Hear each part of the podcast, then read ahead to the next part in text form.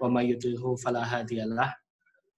Asyhadu an la ilaha illallah wahdahu la syarikalah wa asyhadu anna Muhammadan abduhu wa rasuluh la nabiyya ba'dah. Allahumma salli ala sayyidina Muhammad wa ala ali Muhammad amma ba'du. Menjadi satu buah kesyukuran untuk saya pribadi bisa membersamai teman-teman uh, dalam rangka mengkaji tentang satu tema yang mungkin di satu sisi agak cukup asing, artinya tidak banyak pembahasan-pembahasan seputar ini.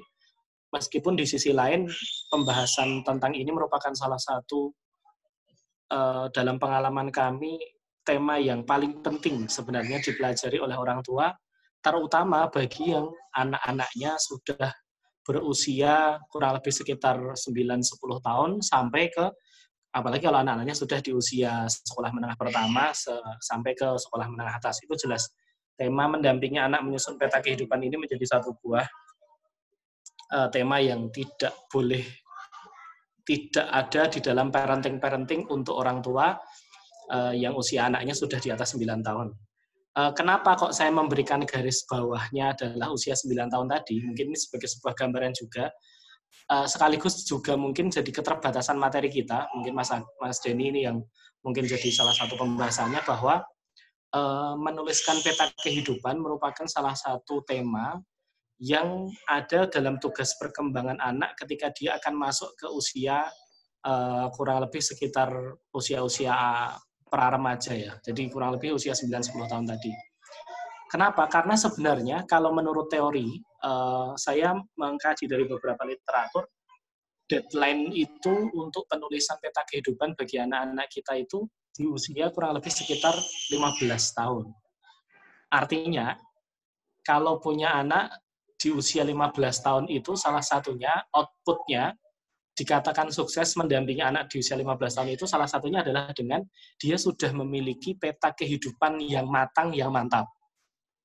Kalau di usia 15 tahun itu sudah mantap dan matang peta kehidupannya, berarti mendampingi untuk menyusun peta kehidupannya sebisa mungkin tentu sebelum usia 15 tahun. Nah, dimulainya sejak kapan? Kalau ada dari beberapa pertanyaan dari beberapa teman-teman, kapan sebaiknya saya memulai uh, kapan sebaiknya saya memulai untuk menyusun peta kehidupan ini? Uh, kami merekomendasikannya mungkin sekitar dimulai sekitar kelas 5 SD begitu.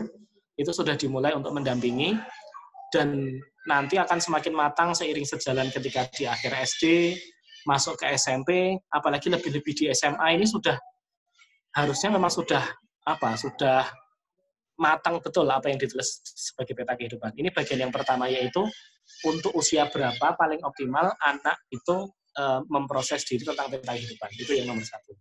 Yang nomor dua apa sih sebenarnya peta kehidupan? Nah, ini akan saya kaitkan dengan akan saya kaitkan dengan uh, pembahasan tadi kenapa kok 15 tahun. Jadi baik dari sisi psikologi, kalau dari sisi psikologi berarti acuan yang kita gunakan adalah bahwa seseorang di usia 15 tahun itu kan masuk ke uh, rentang perkembangan remaja tengah. Apa tugasnya seseorang yang masuk ke rentang perkembangan remaja tengah? Yaitu seseorang yang masuk ke rentang perkembangan remaja tengah itu punya tugas untuk menyatukan keping-keping kepribadian yang dia punya untuk jadi satu gepok, satu apa, satu ikatan gitu. Sehingga ini yang mantap disebut dengan jati diri atau identitasnya. Jadi 15 tahun itu kalau di psikologi ini sebenarnya sudah deadline. Kalau deadline itu harusnya berarti difasilitasi sejak usia sebelumnya. Tetapi deadline-nya di 15 tahun. Nah, eh, apa yang dimaksud deadline usia 15 tahun ini? Nah, sebenarnya yang lebih justru lebih bagus, lebih keren, lebih lengkap dalam menjelaskan deadline ini justru dalam literatur-literatur Islam. Yaitu kalau dalam literatur-literatur Islam, sebenarnya seseorang di usia menuju ke 15 tahun ini sebenarnya punya dua uh, punya dua kriteria. Seseorang yang sukses di usia 15 tahun itu dalam Islam itu kriterianya dua. Nomor satu yang kita kenal dengan mumayyiz, yaitu yang pertama adalah mumayyiz, yang nomor dua adalah mukalaf. Apa arti mukalaf? Kalau mukalaf berarti uh, artinya adalah dia siap untuk diberikan beban-beban syariat. Sebelumnya dia sudah harus mumayyiz dulu. Apa artinya mumayyiz? Berarti siap dan mampu untuk membedakan hal-hal yang baik dengan hal-hal yang buruk. Dia sudah bisa membedakan itu. Lalu kemudian dia menjadi mukalaf. Mukalaf artinya adalah fokusnya adalah di dia sudah siap untuk diberikan taklif atau pembebanan-pembebanan syariat. Makanya ini adalah di penghujung masa akil balik. Maka kalau kita lihat sekarang rata-rata remaja Indonesia itu kan akil baliknya bahkan sebelum 15 tahun. Kurang lebih bahkan di usia mungkin 12 tahun, atau bahkan dalam beberapa penelitian terkini itu kan untuk perempuan, angka pertama kali menstruasinya sudah di angka 10 tahun X bulan. Jadi 10 tahun 5 bulan, 10 tahun 11 bulan itu rata-rata sudah di usia itu kebayang boten kenapa kok menuliskan peta kehidupan ini menjadi penting itu adalah latar belakangnya adalah bahwa ketika seseorang sudah matang secara seksual di usia 10 tahun atau 11 tahun, taruhlah laki-laki berarti mimpi basahnya di kelas 6 SD mungkin gitu, atau telat-telatnya di kelas 1 SMP atau kelas 2 SMP, dia sudah matang secara seksual, tapi ternyata kira-kira kematangan kepribadiannya, kematangan keagamaannya, kematangan spiritualnya, kematangan emosionalnya di usia berapa? Jangan-jangan yang kita khawatirkan sekarang adalah latar belakang kenapa peta kehidupan ini menjadi penting, bahwa eh, seseorang yang sudah matang secara fisik dan seksual di usia 10 tahun tadi, sudah menstruasi, sudah mimpi basah di usia 10 tahun tadi, ternyata tidak dibekali dengan kematangan emosional, kematangan sosial, kematangan secara spiritual, sehingga habis itu dia sudah matang secara fisik dan seksualnya, tetapi tidak diimbangi dengan kematangan jati diri. Nah ini yang menjadi satu buah ironi. Apa bukti bahwa seseorang bisa jadi sudah matang secara fisik atau seksual tetapi dia belum matang secara jati diri atau identitas. Ya salah satunya ketika ditanya sebenarnya apa cita-citanya, apa yang menjadi proposal hidupnya, apa yang menjadi uh, gambaran untuk pengembangan karir atau pengembangan dirinya ke depan. Coba cek itu bahkan mungkin yang sekarang sudah kuliah di tahun pertama pun belum tentu bisa menjawab pertanyaan ini. Bayangkan kalau kuliah tahun pertama itu kan berarti usianya sudah berapa? Dia 18 atau 19 tahun itu belum bisa. Padahal dia tadi e, pertama kali menstruasi, pertama kali e, mimpi basah itu sudah di usia 10 tahun. Pertanyaannya adalah sejak dia pertama kali menstruasi atau mimpi basah di usia 10 tahun sampai ketika dia e, usia 18 tahun dia kuliah tahun pertama tadi, hidup seperti apa yang dia bangun? Perjalanan hidup semacam apa? Ketika sekolah itu sibuknya ngapain saja? Karena ini kan berarti yang sering disebut dengan masa-masa badai, masa-masa transisi yang sangat kacau. Kenapa sebenarnya? Bukan karena kewajarannya seperti itu, bukan. Kalau dalam Islam matang sekali, usia 15 tahun itu seseorang sudah harus siap diberikan beban. Kalau dalam contoh-contoh dalam Sirah Nabawiyah disebutkan Usamah bin Zaid itu dilantik menjadi panglima perang di usia 14 atau 15 tahun. Artinya memang Rasulullah itu sudah menyiapkan usia 15 tahun itu usia kematangan. Al-Fatih 17 tahun itu sudah memimpin uh, pasukan untuk apa penaklukan Konstantinopel. Artinya memang kalau dalam riwayat Islam usia 15 tahun ini adalah sebuah masa-masa transisi yang uh, harusnya sudah matang di usia itu. Tapi kalaupun belum berarti kan harus ada proses apa yang membuat seseorang yang di usia 10 tahun atau 11 tahun itu sudah menstruasi dan basah ini memiliki kematangan emosional, spiritual, sosial yang yang kokoh juga. Nah, salah satu jawabannya yang kami jadikan sebagai solusi selama ini adalah peta kehidupan atau life mapping ini. Jadi life mapping atau peta kehidupan itu adalah satu buah proposal hidup yang memberikan gambaran tentang uh, potensi diri yang dimiliki, tentang apa kemampuan yang dimiliki, apa kekuatan yang dimiliki. Ini nomor satu, isinya adalah tentang profil kekuatan diri, atau mungkin kalau dalam bahasa lain sering disebut dengan talent mapping, begitu ke peta kekuatan diri. Lalu berikutnya yang kedua, tidak cukup sekedar mengenali bakatnya. Seorang remaja di usia 15 tahun tadi ketika menyusun peta kehidupan, berarti yang kedua adalah tentang peta roadmap perjalanan hidupnya. Jadi setelah dia tahu tentang eh, apa yang dia miliki sebagai kekuatan atau potensi yang Allah titipkan buat dia, dia juga yang kedua adalah tahu apa yang akan dia rancang untuk kehidupannya. Nah, sekaligus yang ketiga, salah satu isi dari life map yang selama ini kami dampingi untuk uh, putra-putri ini, isinya selain itu yang ketiga adalah apa kebutuhan masyarakat atau kebutuhan sosial atau kebutuhan bangsa begitu yang akhirnya dia ambil untuk mengambil peran di situ. Artinya supaya yang kita dengan uh, nama peta kehidupan atau cita-cita itu itu tidak berhenti cuma sekedar menjadi karir saja. Tidak cuma untuk kepentingan bahwa supaya dia bisa uh, punya karir profesi yang bekerja yang nanti gajinya tinggi dan semacamnya enggak. Tapi pertama fokusnya adalah tentang minat bakat atau talent mappingnya. Yang kedua nanti akan bicara tentang pengembangan dirinya, yang ketiga akan bicara tentang kebutuhan sosial sehingga apa? Ketika seseorang itu matang dan mantap peta kehidupannya, artinya dia bermanfaat untuk dirinya sendiri, dia bermanfaat untuk karir dan masa depannya, tapi juga dia bermanfaat untuk orang-orang di sekitar. Itulah hal yang sering kita sebut dengan mendampingi anak untuk menyusun peta kehidupannya. Itu artinya mendampingi anak untuk mengenali dirinya, kekuatannya punya apa. Yang kedua, mendampingi anak untuk mulai merancang pengembangan dirinya seperti apa. Mungkin salah satu bentuk teknisnya ya nanti akan sekolah ke mana, cita-citanya mengambil jurusan apa ketika kuliah, profesi impiannya apa, itu adalah bentuk teknisnya begitu. Tetapi yang tidak kalah penting adalah mendampingi anak juga untuk menangkap kira-kira kebutuhan sosial yang ada di sekitarnya dia itu apa, sehingga dia menjadi orang yang peka, peduli terhadap kebutuhan orang-orang di kiri dan kanannya. Sehingga nantinya kalau dia sukses itu tidak hanya sukses buat dirinya sendiri, tapi juga sukses untuk orang-orang di sekitarnya. Ya, ini terkait dengan apa sih isi dari peta kehidupan tadi. Nah, mungkin apa yang yang menjadi penting untuk kita jadikan sebagai gambaran dalam mendampingi anak menyusun peta kehidupan ini? Nomor satu, prinsip utama yang tidak pernah bisa hilang adalah ini akan sangat selaras, akan sangat uh, terkait dengan prinsip tumbuh kembang.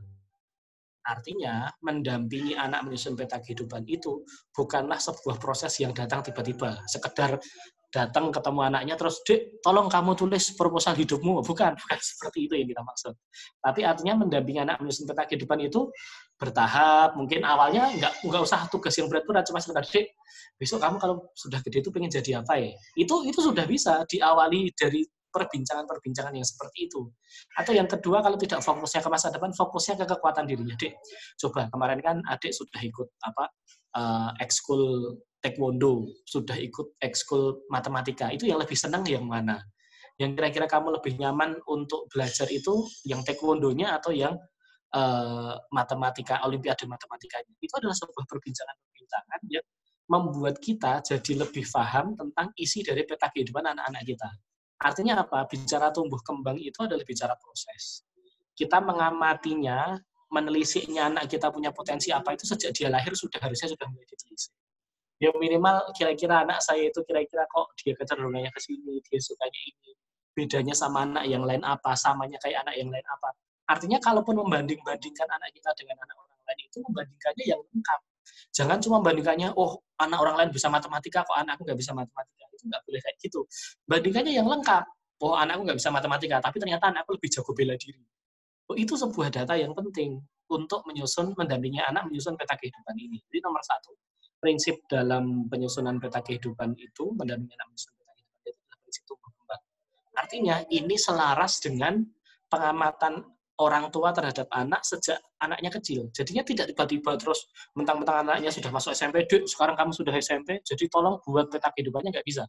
Ini sebuah proses yang harus diawali dengan perbincangan, keakraban antara anak dengan orang tua, termasuk ilmu titen, gitu ya, ilmu pengamatan niteni mengamati kecenderungan-kecenderungan anak di mana. Itu nomor satu. Nomor dua, uh, yang mungkin akan menjadi penting ketika menyusun mendampingi anak menyusun peta kehidupan ini adalah prinsip minat bakat.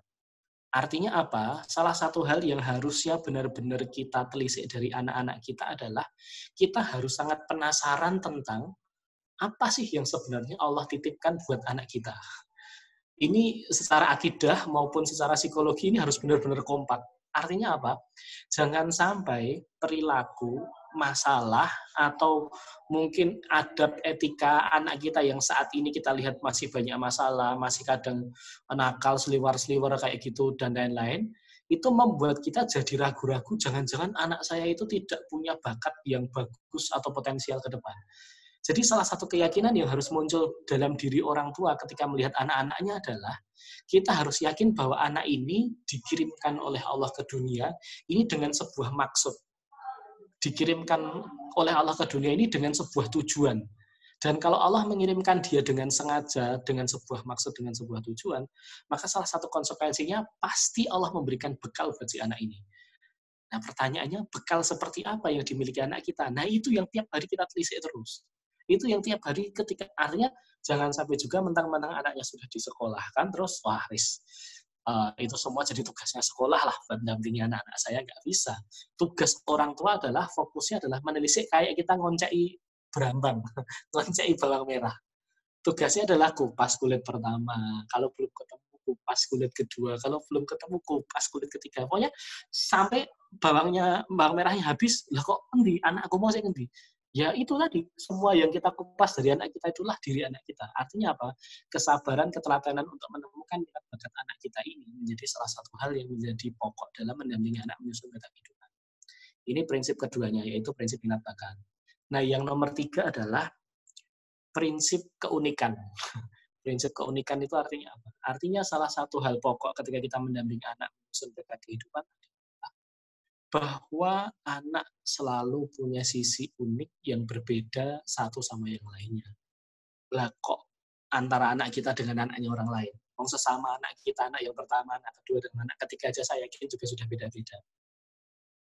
Apalagi, oh bahkan bahkan ekstrimnya yang paling ekstrim kalau di penelitian-penelitian di psikologi itu kan anak kembar monozigot anak kembar yang laki-laki semua atau perempuan semua itu itu kan berasal dari satu sel yang sama begitu itu kan mirip semuanya secara fisik persis sekali.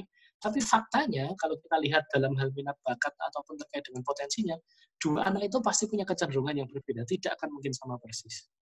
Artinya apa? Prinsip keunikan ini mendasari bahwa mendampingi anak menyusun peta kehidupan itu tidak bisa dibandingkan dengan orang lain sebenarnya. Karena fokusnya apa? Harusnya anak itu dibandingkan dengan dirinya di masa lalu. Dulu sudah bisa kayak gini, kok sekarang jadi tidak bisa kayak gini. Dulu kalau bangun pagi itu sholat subuh rajin kayak gini, kok sekarang nggak bisa bangun sholat subuh rajin kayak gini. Membandingkannya bukan dengan orang lain, tapi membandingkannya dengan dirinya di masa lalu. Kenapa? Ini kompak dengan prinsip tumbuh kembang tadi, bahwa anak itu akan tumbuh, berkembang, progres, dan semacamnya. Nah, maka salah satu hanya yang mungkin menjadi penting adalah ketika bicara prinsip keunikan ini, kita harus sabar, telaten, sekaligus optimis melihat, oh, ini anakku itu punya sesuatu hal yang nggak biasa. Oh, kalau ternyata matematika raiso, ya berarti bahasa Indonesia. Oh, nek bahasa Indonesia nggak bisa, berarti ya mata pelajarannya lainnya. Oh, kalau mata pelajaran nggak bisa, oh berarti olahraga. Oh, kalau olahraga nggak bisa, oh berarti seni. Oh, kalau seni nggak bisa, berarti apa pun. Ini akan menjadi hal pokok untuk mendampingi anak sebenarnya. Nah, bagian uh, yang berikutnya ketika kita bicara tentang uh, prinsip uh, hal berikutnya ketika kita bicara tentang prinsip yang lain, ketika bicara mendampingi anak ini adalah bahwa uh, prinsip pokoknya adalah bahwa ini juga terkait dengan peran orang tua. Prinsip maksudnya apa? Maksudnya bahwa salah satu hal yang harus dilakukan dalam mendampingi anak menyusun peta kehidupan itu perlu untuk sangat paham bahwa orang tua itu juga harus bergeser perannya. Loh, tuh orang tua kan ya sama seumur hidup dalam mendampingi anak, kok bergeser perannya itu maksudnya apa? Maksudnya begini. Uh, anak itu kan berkembang dari waktu ke waktu, anak itu tumbuh tambah besar. Pertanyaannya, apakah cara kita mendampingi anak sebagai ketika kita menjadi orang tua itu ketika mendampingi anak itu apakah peran kita itu sama terus cara kita memberitahu cara kita berdiskusi cara kita uh, menggali potensi anak, anak kita apakah sama terus padahal ternyata apa dalam kajian kami selama ini ketika membuat kurikulum tentang parenting bahwa ternyata salah satu hal yang sering dilupakan oleh orang tua adalah orang tua itu stylenya sama terus bahwa tugas sebagai orang tua itu adalah tugas yang uh, kaku berarti kalau dulu cara marahinya pas kecil kayak gini, berarti besok juga harus konsisten kayak gitu terus. Padahal enggak. Maksudnya apa? Kalau kita lihat di fase-fase awal, konsentrasi tugas orang tua ketika bicara fase tumbuh kembang itu kan fokusnya untuk menjaga, memproteksi. Tugasnya apa? Memastikan anaknya sehat, di usia 0 sampai 2 tahun itu imunisasinya lengkap diberikan, atau misalkan dia juga apa diberikan nutrisi yang cukup, itu hal yang terkait dengan fisik itu menjadi krusial. Lalu begitu usia 2 sampai 6 tahun, itu sudah mulai agak sedikit lebih berkembang. Tugasnya sebagai orang tua, oh tidak sekedar menjamin nutrisinya, tapi juga memberikan stimulasi pembelajaran. Misalkan mulai ngajak ngobrol, mulai ngajak dikenalkan dengan lingkungan sekitarnya, diajak ketemu silaturahim sama orang lain, itu kan stimulasi. Nah, begitu anak usia 6 tahun ke atas, itu kan fokus utamanya adalah educating, yaitu mulai memberikan pembelajaran-pembelajaran atau pembiasaan-pembiasaan belajar sudah mulai dikenalkan dengan buku-buku, sudah mulai dikenalkan dengan uh, cara apa uh, disiplin waktu seperti apa, cara menghormati adab itu kan masuk ke situ. Itu fokusnya ke pembelajaran. Nah, ketika anak di usia 13 tahun, pertanyaannya adalah apakah ada peran yang berubah dari orang tua? Jangan-jangan kita masih memahami bahwa anakku tuh selamanya adalah anak-anak. Kalau kayak gitu berarti cara aku mendampingi anak sama terus. Nah, kalau itu yang terjadi nanti akan repot. Kenapa? Karena ketika anak masuk ke remaja, ternyata dibutuhkan tiga peran dari orang tua sekaligus. Itu yang sering membuat shock banyak orang tua dan tidak siap adalah bahwa beberapa orang tua tidak siap ketika harus punya tiga peran ini. Peran yang pertama adalah orang tua sebagai trainer, yaitu orang tua sebagai pendamping yang mengupgrade skill, mengupgrade kapasitasnya seorang anak untuk punya kemampuan tertentu. Misalkan apa? Public speaking misalkan, ya sok-sok disuruh untuk tampil, sok-sok disuruh untuk ngomong ke depan publik, itu tugas uh, orang tua sebagai trainer. Berarti syaratnya apa? Orang tua juga harus siap untuk mencontohkan, kayak gitu. Yang kedua, yang kadang-kadang agak sedikit repot lagi adalah bahwa orang tua itu juga dituntut untuk menjadi seorang coach. Ini yang sering membuat keselio orang tua. Apa tugasnya seorang coach? Seorang coach tugasnya adalah memastikan anak itu memiliki goal setting, memiliki perencanaan kehidupan, memiliki semacam greget untuk meraih sesuatu yang sifatnya itu internal di dalam dirinya. Artinya cita-cita yang memang anak itu pengen untuk capai. Bukan sekedar bahwa, dek kamu tuh besok harus jadi dokter. Bukan, bukan. Tapi kata-kata ya, dek kamu tuh pengennya besok jadi apa? Pak, aku besok pengen jadi dokter. Oh, kalau jadi dokter berarti harusnya gimana? Wah, aku harus belajar yang rajin. Nah, coach itu kayak gitu. Tidak nyuruh-nyuruh, tetapi menjadi teman diskusi untuk anak menyusun roadmap-nya tadi. Nah ini yang kadang-kadang agak ketinggalan atau bahkan nyaris tidak dilakukan oleh orang tua di zaman ini. Nah yang ketiga yang tidak kalah penting setelah yang pertama trainer, yang kedua adalah coach, yang ketiga orang tua sebagai mentor. Kalau mentor itu berarti yang dicari apanya? Pengalamannya. Yaitu kita memposisikan anak di usia SMP itu seharusnya sudah dengan model andragogi atau pembelajaran orang dewasa. Kita harus sudah menganggap anak kita itu sebagai orang dewasa di usia 12 tahun. Meskipun dia masih kekanak-kanakan, nggak apa-apa. Yang penting dianggap sebagai orang dewasa. Contohnya apa? Contohnya adalah diberikan tanggung jawab soal keuangan. Dulu dikasih uang harian, sekarang dikasih uang bulanan. Itu salah satu contoh penting. Nah, maka orang tua harus mulai memposisikan diri untuk menjadi seorang mentor. Orang yang punya banyak pengalaman, yang punya sharing pengalaman untuk anaknya dan menjadi dia sebagai partner yang lebih senior saja, tapi tidak bahwa dek kamu harus gitu, kamu harus gitu. Bukan. Nah ini yang yang tiga peran ini yaitu trainer, coach, dan mentor ini yang sebenarnya menjadi penting untuk mendampingi anak menyusun peta kehidupan itu adalah yang tiga peran ini tadi. Jadi menjadi coach, menjadi trainer, menjadi mentor. Itu adalah uh, tiga peran yang paling optimal orang tua ketika bicara tentang mendampingi anak menyusun peta kehidupan. Uh, segitu dulu Kak Denny. Mungkin kalau untuk ada tanya jawab atau dieksplorasi dengan yang lain supaya bisa lebih interaktif, saya persilahkan. Assalamualaikum warahmatullahi wabarakatuh.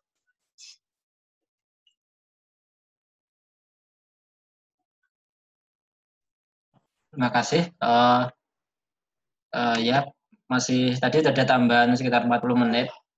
Jadi ya. lumayan untuk bisa lumayan untuk bisa kita lakukan untuk diskusi. Mungkin saya buka dulu anutnya teman-teman di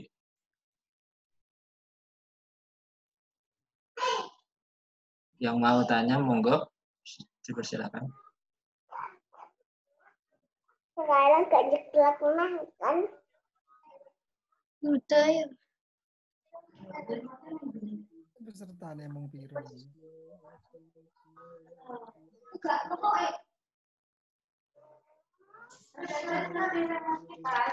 Bapak kayak suaranya Mas, Pak. Bapak. Enggak. Mas Agung, Mbak Ayu, Mas Agus.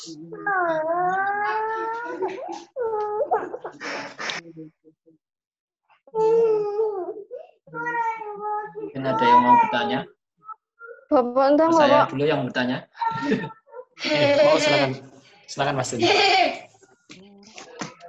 ini ya terkait untuk langsung iya apa apa namanya? Uh, Enggak, aku biasanya jadi langsung coach tadi. Istilahnya untuk kadang uh, apa itu? Anak itu ini ya uh,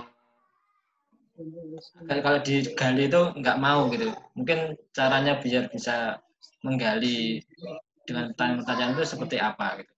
Ya. teknisnya. Ya. kadang uh, apa namanya sudah ya, sudah nyaman atau capek gini gini, gini sebagainya. Seperti itu. Untuk menggalinya seperti apa Mas Isnan? Ya ya.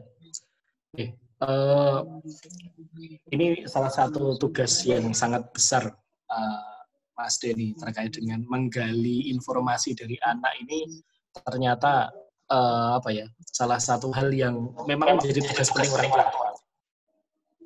Nah, kita akan pisahkan antara dua bagian anak. Eh, ketika yaitu anaknya masih usia anak-anak di bawah 10 tahun dengan ketika anaknya sudah di atas 10 tahun. Karena nanti akan beda strateginya. Nah, untuk yang pertama ketika anaknya itu sudah sebentar kayaknya ada mikrofon yang masih nyala ya Mas.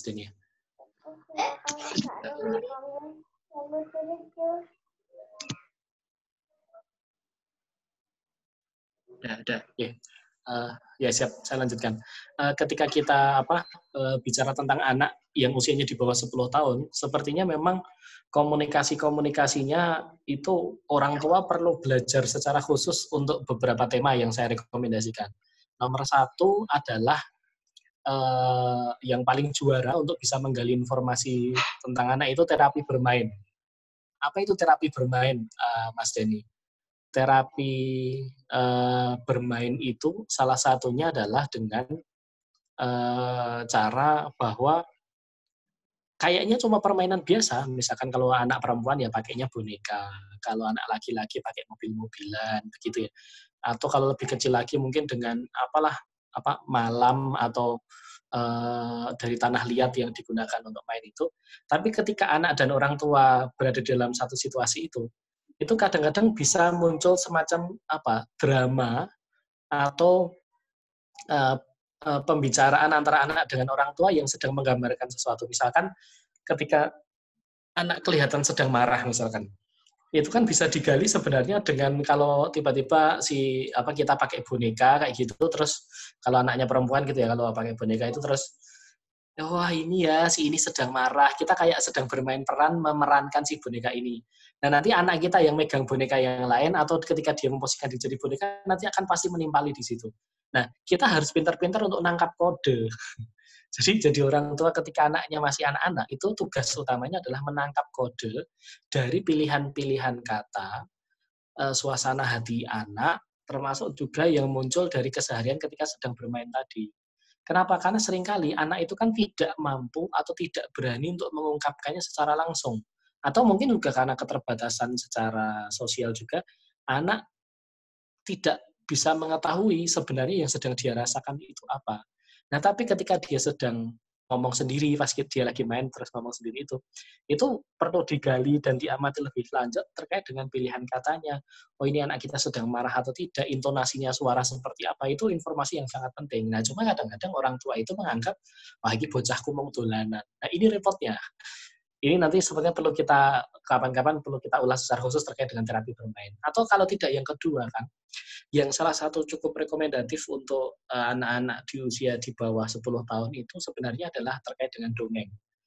Jadi kita uh, sebenarnya niatnya itu di satu sisi ngasih tahu, memberikan nasihat, tapi sifatnya agak cukup interaktif dan mengasyikan, itu lewat cerita-cerita uh, fabel binatang, dongeng atau semacamnya maka menjadi bapak dan menjadi ibu itu salah satunya memang harus punya kemampuan untuk storytelling ketika anaknya masih di bawah 10 tahun itu karena itu yaitu apa supaya biar bisa menggali informasi dari anak dengan hal yang memang buat anak itu mengasyikan yaitu dengan apa tadi dongeng, fable atau semacamnya. Jadi ketika ayahnya cerita, ibunya cerita, nanti kan di situ ada feedback.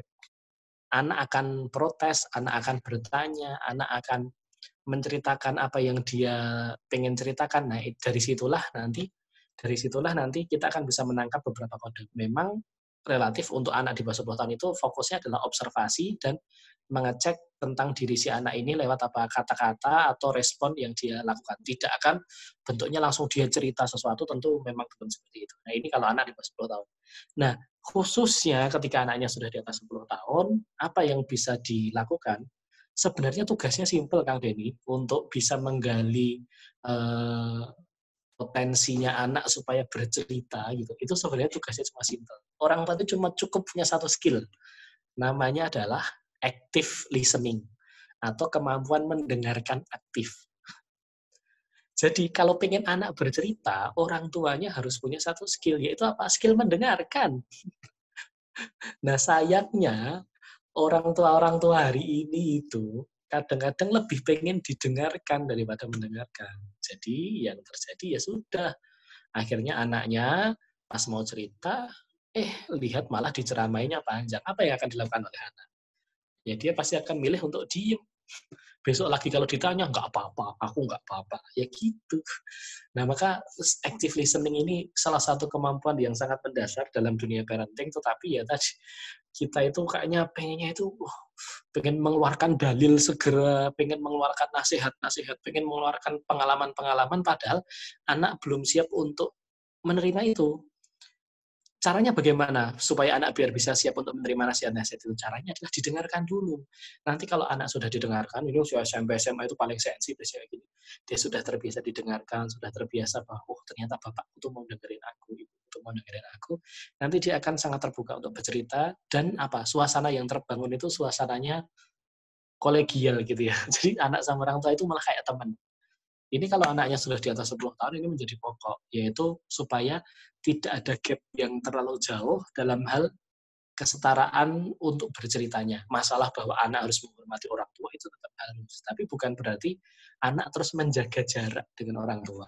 Karena sudah sesama orang dewasa, Kak Denny. Jadi ketika anak dan anak yang sudah di atas 12 tahun itu kan mau usianya jarak usianya 30 tahun dengan bapaknya pun itu sudah sesama orang dewasa. Jadi anak pun juga harus diperlakukan secara dewasa. Maka tips paling teknis untuk bagaimana cara menggali uh, informasi dari anak memang harus kita harus belajar mendengarkan terlebih dahulu sebelum uh, kalau diinterogasi jelas nggak mungkin keluar nggak ini. Diinterogasi itu sudah anak pasti sudah menjaga jarak, dia sudah wis pasti akan tutup mulut dan mending untuk tidak mau bercerita. Kenapa? Dia tahu kalau dia sudah salah dulu.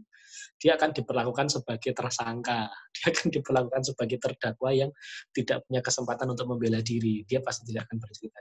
Tapi kalau dia didengarkan, nanti akan suasana itu akan muncul. Dan ini tidak instan. Artinya perlu dibiasakan sedikit demi sedikit. Insya Allah uh, kita juga sebagai orang tua bisa latihan sedikit demi sedikit untuk bisa membiasakan anak bercerita. Salah satunya dengan melatih diri untuk tidak komen, tidak memenggal kata-kata ketika anak kita bercerita. Kayak gitu. Gitu.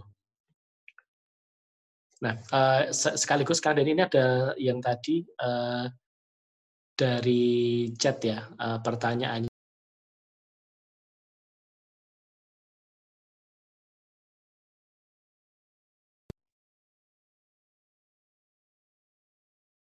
Oke, tadi pertanyaan bagaimana cara untuk memancing atau menggalinya.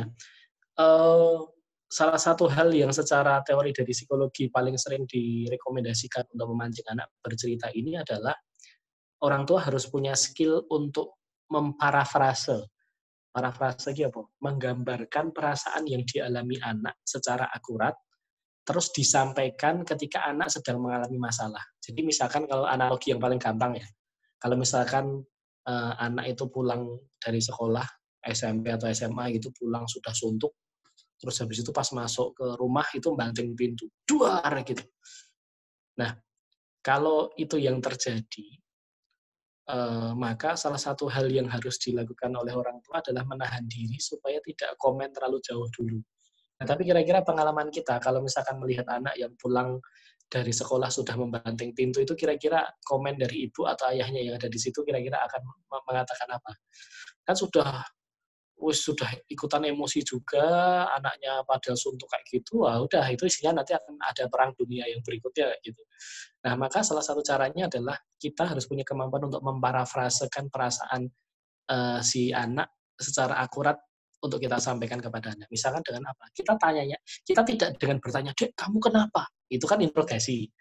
Apalagi kalau sampai, oh, kok malah banteng pintu? Wah, itu juga sudah menuduh. Caranya harus netral, yaitu dengan cara apa? Dengan cara mengungkapkan yang kira-kira jadi perasaannya si anak, yang anak itu kesulitan untuk ungkapkan, kita ungkapkan duluan. Misalkan apa? Ya, hidup tuh memang kadang nyebelin ya, Dik, ya. Misalkan, itu kalimat pertama. Atau yang kedua dengan kata-kata, uh, apa perasaan si anak ada wah ngapain sekolah hari ini pasti suntuk banget ya udah di sekolah banyak PR-nya di rumah cuma dimarahin mama pasti adik rasanya nggak enak banget ya ketika pulang ke rumah makanya terus banting pintu jadi itu bukan tuduhan tetapi upaya untuk uh, menunjukkan bahwa orang tua itu tahu perasaan apa yang di, di, dialami oleh anaknya. Kalau itu nanti pancingannya berhasil, wis otomatis nanti dia akan cerita tanpa henti. Syaratnya apa? Kita harus secara akurat menangkap dulu perasaan yang sedang dialami anak itu apa. Artinya apa? Kita berusaha untuk berempati terhadap kondisi anak, baru nanti anak akan berempati dengan kita. Tapi kalau kita sudah menuntut dulu, ya kamu sebagai anak itu yang harus berempati sama aku sebagai orang tuamu. Kalau itu yang terjadi, biasanya cenderungnya malah fail. Cenderungnya apa? Cenderungnya anak akan semakin menjaga jarak dengan kita. Karena menganggap bahwa, iyo, pasti aku nanti disalah-salahin. Pasti aku udah gak punya kesempatan buat uh, membela diri. Pasti ujung-ujungnya aku dimarahin lagi. Sudah kayak gitu terus. Semoga bisa menjawab untuk diskusi ini. Kenapa? Karena memang untuk active listening, kemampuan mendengarkan itu salah satu bekal utama seorang coach itu hal paling mahal, skill paling pokok yang dimiliki oleh seorang coach itu adalah active listening, mendengarkan secara aktif, sehingga membuat yang bercerita itu jadi merasa kayak penting. ini mungkin hal teknis ya, yaitu orang tua hari ini harus punya skill yang membuat anaknya itu kalau bercerita itu merasa penting. Jangan sampai anak itu sampai punya pikiran bahwa, Allah paling aku cerita apa aja juga nggak bakalan didengerin sama bapak nggak bakalan didengerin sama ibu. Kalau sampai anak sudah punya pikiran itu, waduh itu susah banget itu. Harus rasnya harus dimunculkan kembali. Begitu Kak Denny. Semoga uh, bisa menjawab untuk pertanyaan yang tadi.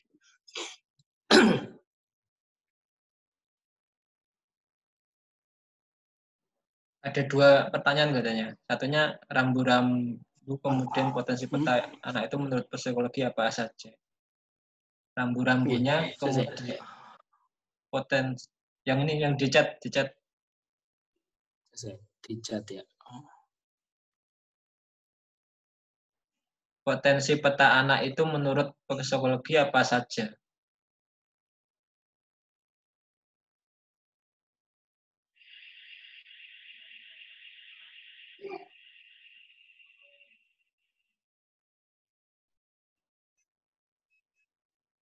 Ya, oke. Okay.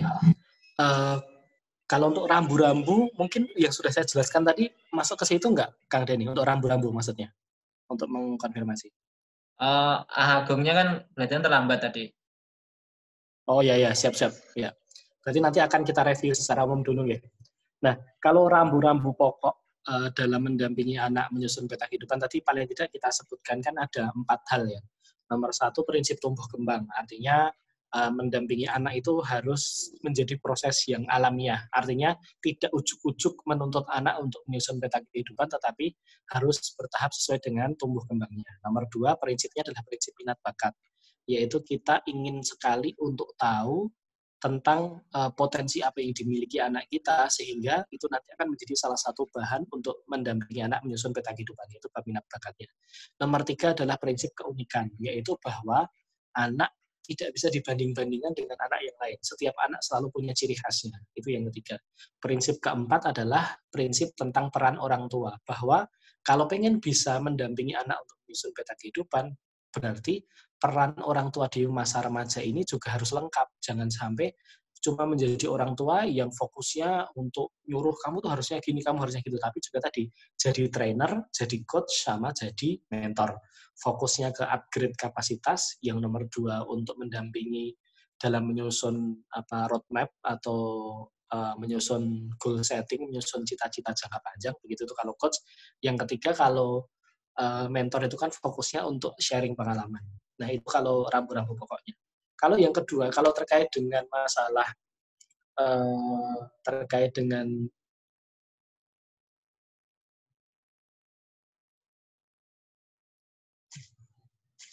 terkait dengan potensi anak, uh, petanya seperti apa, eh, sebenarnya banyak teori yang menjelaskan tentang potensi anak itu ada di mana. Kalau yang paling sederhana, paling gampang, mudah dipelajari, tentu adalah teori multiple intelligence-nya Gardner ya, bahwa seorang anak itu bisa bisa memiliki salah satu atau beberapa di antara delapan uh, tipe kecerdasan, mulai dari kecerdasan matematika, dalam hal kecerdasan interpersonal, kecerdasan intrapersonal, kecerdasan naturalistik, kayak gitu, kecerdasan musik, kecerdasan kinestetik dan semacamnya. Itu itu yang paling sederhana kalau untuk melihatnya. Itu yaitu bahwa apa prinsip utamanya uh, yang nomor satu kalau pakai Gardner ini bahwa setiap anak itu berarti punya uh, kecerdasan di tempatnya masing-masing sehingga menjadi orang tua itu menjadi perlu untuk melihat anak ini tipe kecerdasannya paling optimal di mana.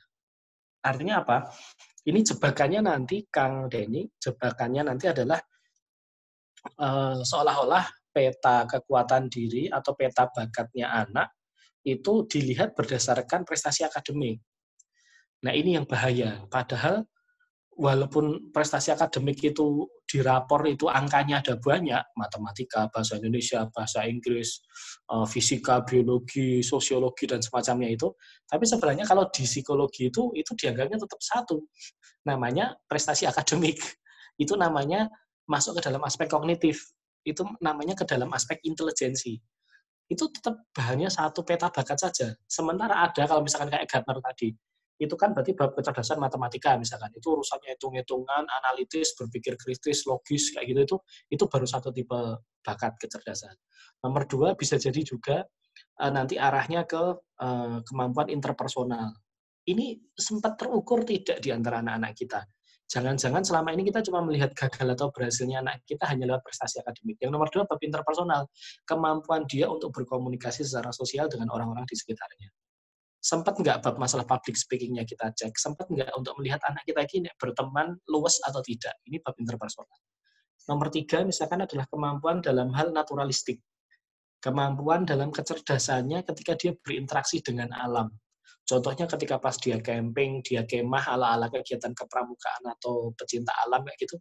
Ini kan ada orang-orang tertentu yang memang punya kekuatannya di sini. Dia mungkin secara akademik nggak bagus-bagus amat, dia mungkin secara prestasi yang lain juga nggak beken-beken amat, tapi begitu di lapangan untuk urusan-urusan yang bertemu dengan alam, dia itu kayak punya apa kemampuan untuk bersahabat dengan alam, kemampuan survivalnya tinggi. Dia bisa niteni oh nek pohon yang kayak gitu tuh gini nek dia nanti kalau cari air harus di mana? Gitu. Itu kan yang kita sebut dengan kecerdasan naturalistik. Nah yang lain misalkan kalau selain pakai teorinya Gardner mungkin yang yang biasanya kita bagi itu kan paling tidak ada tipe empat tipe orang misalkan tipe bakat orang pertama tipe-tipe thinking ini yang paling sering dibahas adalah tipe-tipe uh, pemikiran kayak gitu. Yang kedua adalah tipe-tipe influencing. Influencing itu berarti tipe-tipe yang dia fokusnya adalah ke uh, mempengaruhi orang lain. Ini agak tipe sosial kalau yang ini. Yang ketiga adalah tipe uh, kita sering menyebutnya dia dengan tipe striving. Striving itu apa? Tipe pejuang. Jadi kalau yang pertama tadi tipe hobinya mikir, yang nomor dua hobinya ngomong dan mempengaruhi lain, yang ketiga ini hobinya gendang temandang gawe kayak gitu ya. Ini tipe-tipe yang fokusnya memang adalah segera bekerja, bekerja, bekerja, nggak usah terlalu banyak dipikir. Nah, yang keempat adalah tipe-tipe feeling, tipe-tipe pengguna perasaan. Ini orangnya berhati lembut, sangat peka, peduli, empati, dan semacamnya. Nah, ini juga, misalkan kalau kita pakai teori psikologi yang empat hal ini saja, itu kan sudah bisa agak cukup menggambarkan bahwa selama ini parameter keberhasilan kita untuk anak-anak kita itu cuma dilihat dari gagal berhasilnya cuma pakai nilai-nilai akademik. Nah, coba bayangkan kalau itu terjadi di keseharian kita di tempat kerja sekarang. Coba kita tanya, apakah orang yang dianggap paling gagal atau paling berhasil di tempat kerja kita, itu dilihat dari dulu prestasi akademiknya ketika di sekolah atau di kampus? Saya yakin tidak. Pasti dia akan dilihat secara lengkap performanya ketika bekerja seperti apa. Nah, kalau untuk tempat kerja kita saja sudah kayak gitu, bahwa prestasinya seseorang itu tidak hanya dilihat dari prestasi akademiknya. Kenapa untuk anak-anak kita itu hanya dilihat dari prestasi akademiknya semata-mata? Ini kan berarti berlawanan, bertentangan. Kita kalau kerja ketemu sama yang pinter banget, tapi ini omong nyelet kira-kira terima apa enggak? Nah, mending nek iso pindah ke bagian yang lain yang yang, yang nggak ketemu sama si orang itu. Nah, kita sempat cek anak kita tidak. Ternyata anak kita oh, rapornya bagus nilai-nilai akademiknya bagus. Tapi ternyata anak kita kalau omong nyakit kira-kira akan kita biarkan tidak? Nah ini kan dalam hal mendampingi anak menyusun peta kehidupan kita benar-benar perlu sangat jeli untuk melihat sebenarnya peta potensi anak kita di mana.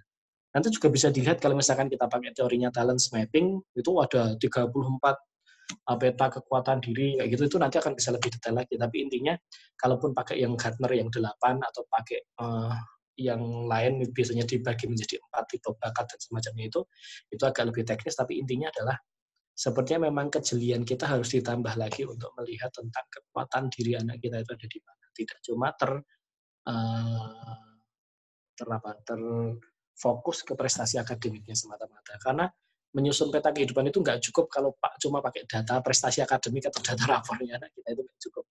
Banyak hal yang perlu kita gali lagi tentang diri si anak untuk mendampingi anak menyusun peta kehidupannya. Begitu Kang Denny. Ada lagi pertanyaan yang tersampaikan Kang Denny?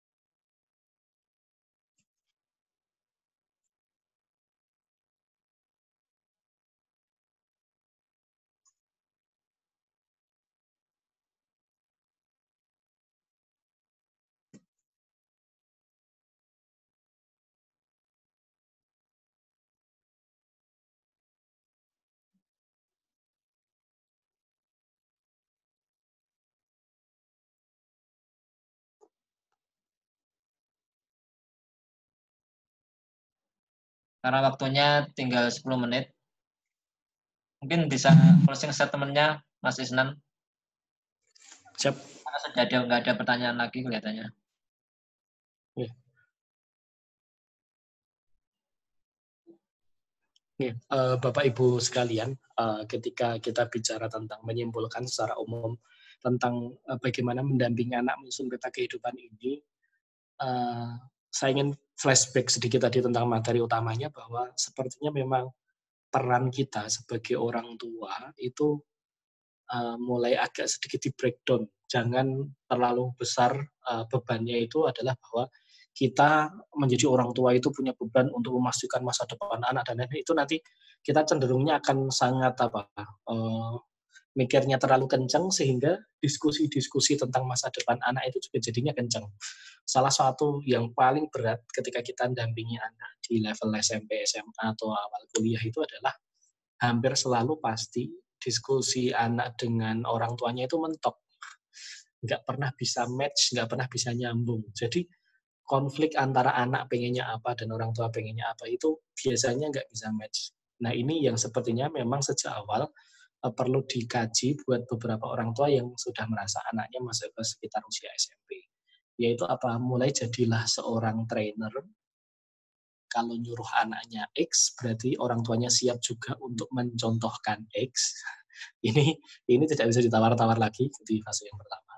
Nomor dua adalah jadilah seorang coach yang tidak terlalu banyak nyuruhnya saja, tetapi juga harus lebih banyak mendengarkan.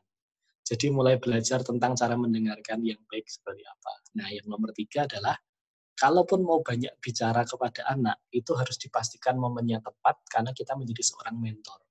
Seorang mentor itu, kalau yang didampingi itu sedang bermasalah, dia itu cuma ngincang, diliatin, ayo kapan kamu mau datang sama aku untuk minta petunjuk atau minta arahan. Ya itu mentor tuh kayak gitu. Jadi mentor tuh nggak rewel mentor itu nggak dikit-dikit eh ini salah itu salah ini salah. Enggak. Mentor itu ya orang yang paling berpengalaman paling hebat kayak gitu. Jadi dia itu nanti sambil mancing-mancing sedikit-sedikit ya artinya bukan berarti terus kita pasif nggak peduli sama anak kita bukan. Tapi maksudnya itu karena kita sudah cukup dekat ya ini pasti besok dia akan mendekat padaku kalau lagi punya masalah. Nah begitu dekat jangan dimarahi tapi apa? Sharing. Nah kamu selama ini gimana kok kamu bisa gagal itu emangnya apa yang membuat kamu gagal? Terus pelajaran apa yang bisa kamu dapat dari situ? Wah itu kan itu kan apa ya? Nanti suasananya ketika diskusi dengan anak itu akan bisa sangat cair dan hubungan kedekatannya akan sangat besar. Nah ini hal yang pertama yang saya simpulkan. Nah, yang kedua adalah uh, tadi uh, filosofi ala ngonjai bawang tadi bahwa kita itu begitu sangat penasarannya tentang anak kita itu punya potensi terbesar yang dititipkan Tuhan itu apa. Jadi orang tua itu harus menjadi figur yang paling optimis bahwa saat parah-parah ya, saat bermasalah-bermasalahnya, saat nakal-nakalnya anaknya, itu harus punya optimisme bahwa ini tuh cuma kulit. Nanti kalau dikupas anak kita itu pasti akan punya sesuatu mutiara yang sedang tersembunyi di dalam. Nah itu kalau jadi guru mungkin kadang-kadang wis lah piye meneh anake wong akeh dira iso ngatur gitu ya. Tapi kalau jadi orang tua itu kan lah ini anak kita yang selamanya akan apa menjadi uh, tugas kita untuk mendampinginya gitu. kan menjadi cukup penting, cukup pokok untuk tidak kehilangan optimisme itu. Nah, terakhir yang ketiga uh, pola komunikasi tadi harapannya bisa dikelirkan untuk menuju ke satu buah proposal yang disepakati ketika anak kurang lebih usia 15 tahun. Jadi saya ingin gambarkan outputnya itu adalah ketika anak nanti berarti sekitar berarti berapa? Kelas 1, kelas 10 SMA ya, kelas 1 SMA itu masuk SMA itu salah satu outputnya adalah ada sebuah diskusi antara anak dan orang tua itu untuk bertemu memberikan semacam kayak mungkin anak dikasih kesempatan ayo kamu presentasikan. Kamu sampaikan kepada ayah dan ibu setelah ini kau ini Arab ngopo kowe iki pingin opo, caramu ke depan untuk bisa ke sana bagaimana, terus kira-kira kamu butuh bantuan apa dari ayah. Jadi kayak semacam bikin proposal gitu, terus dipresentasikan ke orang tuanya. Ini bentuk teknisnya yang saya rekomendasikan. Lalu kemudian nanti orang tua, ayah dan ibunya itu jadi kayak apa? Kalau di presentasi itu kayak apa? Uh, seorang panelis gitu ya, seorang panelis yang memberikan uh, uh, feedback dari yang dipresentasikan anaknya tadi. Jadi saya saya terbayang kalau itu terjadi nanti di kelas 3 SMA ketika anak akan milih jurusan kuliah, entah dia akan memutuskan apakah kuliahnya di mana, jurusannya apa. Itu adalah sebuah produk hasil kesepakatan antara dia dengan orang tuanya. Jadi anak itu sudah apa ya, sudah sanggup ridhonya orang tua itu karena sudah ada diskusi yang sangat sangat apik antara anak dan orang tua tadi. Jadi mendampingkan anak peta kehidupan itu outputnya sebenarnya itu ada sebuah kesepakatan, produk kesepakatan antara anak dan orang tua yang diteken bersama. Kalau perlu tanda tangan hitam di atas putih bermaterai gitu ya, bahwa oh anak uh, besok punya cita-cita kayak gini, akan melakukan ini, komitmennya apa, orang tua uh, menyetujui hal ini dengan kriteria seperti ini, rambu-rambunya kayak gini, dan termasuk juga fasilitas yang akan diberikan orang tua untuk anak dalam mendampingi apa itu ada semacam satu buah proposal yang lengkap yang bisa disepakati ketika anak sudah mulai akil balik begitu di usia 15 tahun tadi. Demikian yang bisa saya sampaikan, semoga bisa menjadi satu kemanfaatan. Terima kasih. Begitu Kang ini saya akhiri sementara. Assalamualaikum warahmatullahi wabarakatuh. Waalaikumsalam warahmatullahi wabarakatuh. Eh, jasa kepada ah, Isnan yang sudah membagikan ilmunya, pencerahannya pada malam hari ini. Insya Allah banyak hal yang bisa kita dapat uh, walaupun uh, selama 40 menit ini begitu banyak hal yang yang sangat penting karena juga anak saya mau naik naik SMP ini masa SMP itu jadi uh, Insya Allah bisa jadi awal bekal untuk diskusi-diskusi selanjutnya ke depannya. Semoga uh, nah, besok masih ada satu materi tentang uh, uh, nanti terkait dengan menghapus luka kepengasuhan ya. Itu juga kelihatannya sangat penting juga. Karena saya pilih itu. Semoga diberikan kesempatan pelancaran uh, kita cukupkan pada malam ini. Jazakallah. Kasih kepada Ahisna dan udah teman-teman sekalian, Assalamualaikum warahmatullahi wabarakatuh. Warahmatullahi wabarakatuh.